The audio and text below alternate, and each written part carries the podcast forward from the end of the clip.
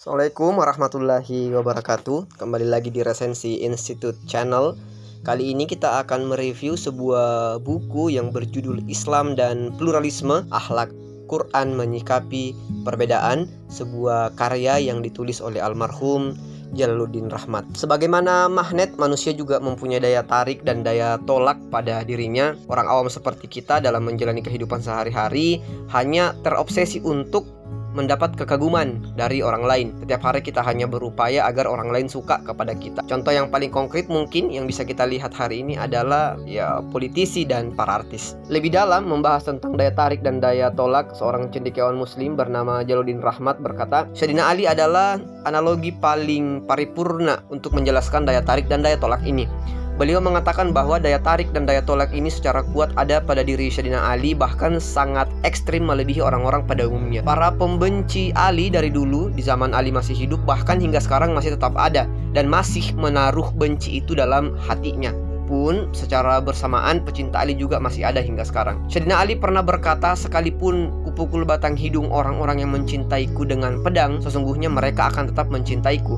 Sebaliknya, sekalipun seluruh yang ada di dunia diberikan kepada para pembenciku, mereka tetap akan membenciku. Sengaja saya membahas ini di awal karena secara implisit juga menggambarkan diri seorang penulis yang saya resensi bukunya kali ini. Kiai Haji Jaludin Rahmat atau akrab disapa Kang Jalal adalah merupakan cendekiawan muslim Indonesia yang tidak begitu dikenal secara luas oleh masyarakat Indonesia itu disebabkan karena memang beliau tidak pernah muncul di TV-TV swasta maupun nasional. Tapi bagi sebagian orang, beliau adalah seorang guru besar. Karya-karya beliau juga telah menjadi bagian dari kekayaan khasanah ilmu pengetahuan di Nusantara. Salah satunya adalah buku ini, Islam dan pluralisme, akhlak Quran menyikapi perbedaan. Nah, apa sih sebenarnya pluralisme itu? Pluralisme bukanlah hal yang baru di Indonesia, bukan hanya Kanjalal tentunya. Di Indonesia ada banyak tokoh yang sudah membahas tentang pluralisme misalnya Gus Dur dan Nurhalis Majid. Secara sederhana, pluralisme dapat diartikan sebagai penerimaan atau penghormatan terhadap perbedaan. Nah, kelirunya kita di Indonesia, kita melihat perbedaan sebagai sesuatu yang berbahaya.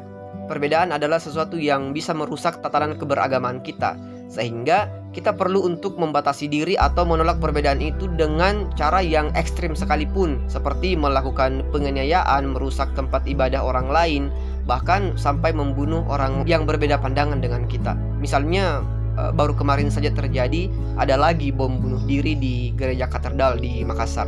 Namun, jika kita menggunakan akal sehat, perilaku seperti itu akan gugur dengan sendirinya ketika dibenturkan dengan perkataan Allah Subhanahu wa taala dalam Al-Qur'an surah Al-Baqarah ayat 62 kemudian diulang lagi dengan redaksi yang agak berbeda di surah Al-Maidah ayat 69 dan surah Al-Hajj ayat 17.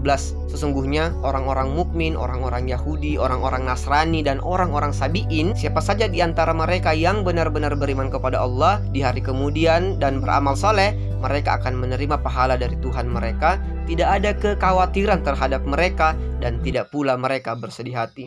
Syed Husain Fadullah menafsirkan bahwa keselamatan di akhir akhirat akan dicapai oleh semua kelompok agama dengan syarat ia mesti memenuhi kaidah iman kepada Allah, hari akhir, dan amal soleh. Artinya, manusia tidak punya alasan untuk merasa paling benar, merasa paling taat karena semua manusia dan pemeluk agama lain mempunyai potensi yang sama untuk mendapatkan kasih sayang dari Allah Subhanahu wa taala. Kita masuk ke dalam bab berikutnya menyikapi agama lain.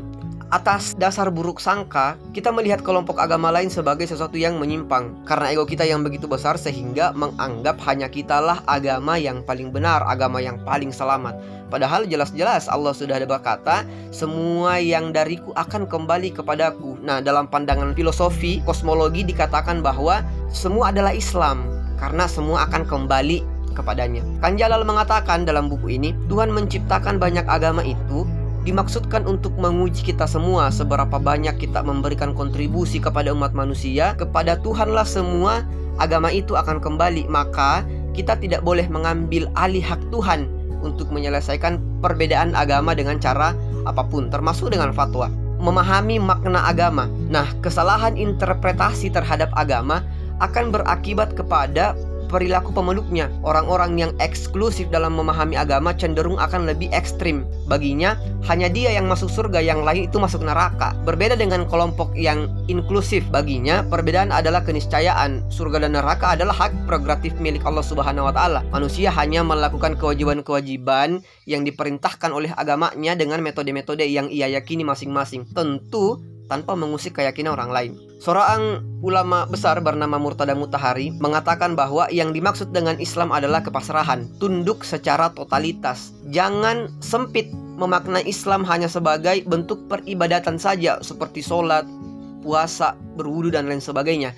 Sekalipun tiap agama memiliki metode penyembahan yang berbeda-beda, namun dia pasrah dan tunduk secara total, maka dia telah berislam dalam artian selamat. Nah, bagaimana seharusnya kita menyikapi perbedaan? Tidak berlebihan ketika penulis mengatakan bahwa api pertikaian itu juga disebabkan karena perbedaan kepentingan politik. Perbedaan yang terdapat di gereja Romawi dan gereja Yunani dahulu misalnya berujung pada pertikaian yang sebenarnya juga disulut oleh kepentingan politik. Begitupun dalam agama Islam itu sendiri, karena kepentingan politik, kemudian ayat-ayat Tuhan diselewengkan, penafsiran diputar balikkan sehingga kita sangat mudah untuk mengkafirkan dan membid'ahkan segala sesuatu. Tentu masih segar dalam ingatan kita kasus Ahok di Pilkada Jakarta kemarin. Pun tokoh-tokoh cendikiawan seperti Syekh Saltut dari Ahlu Sunnah, Gita dari Syiah dan Jamaluddin Al-Afghani menggalakkan upaya takrib. Sayangnya seperti dalam dunia Kristiani, dalam Islam pun umat terbanyak lebih banyak mendengar suara politisi ketimbang para cendikiawan. Perbedaan adalah sesuatu yang niscaya Rasulullah Shallallahu Alaihi Wasallam bersabda bahwa perbedaan itu adalah rahmat. Mesti tumbuh kesadaran teologi bahwa Tuhan menciptakan agama-agama agar kita saling mengenal. Manusia tidak boleh merasa paling benar ketimbang yang lain karena yang hak hanya Allah Subhanahu wa taala. Dia adalah penentu segala sesuatunya. Nah, di tengah semakin krusialnya kondisi keberagamaan kita tidak hentinya kita digempur oleh ideologi serampangan yang bertumpu pada ego bahwa selain dari yang saya yakini adalah kesalahan dan darahnya adalah jalan menuju surga Allah Subhanahu wa taala. Saya menyebut orang-orang ini seperti wajah modern dari Ibnu Muljam. Ibnu Muljam ini adalah tokoh yang membunuh Syedina Ali karena menganggap Syedina Ali itu sudah menyimpang dari ajaran agama Islam. Buku Islam dan pluralisme akhlak Quran menyikapi perbedaan ini sangat saya rekomendasikan karena bisa menjadi bacaan yang sangat bergizi bagi jiwa kita yang kering. Kami menutup ini dengan mengatakan bahwa kebodohan itu hanya bisa dilawan dengan literasi salah satu jalan menurut kami untuk juga melawan terorisme adalah dengan memperkaya literasi agama kita. Ada pertanyaan?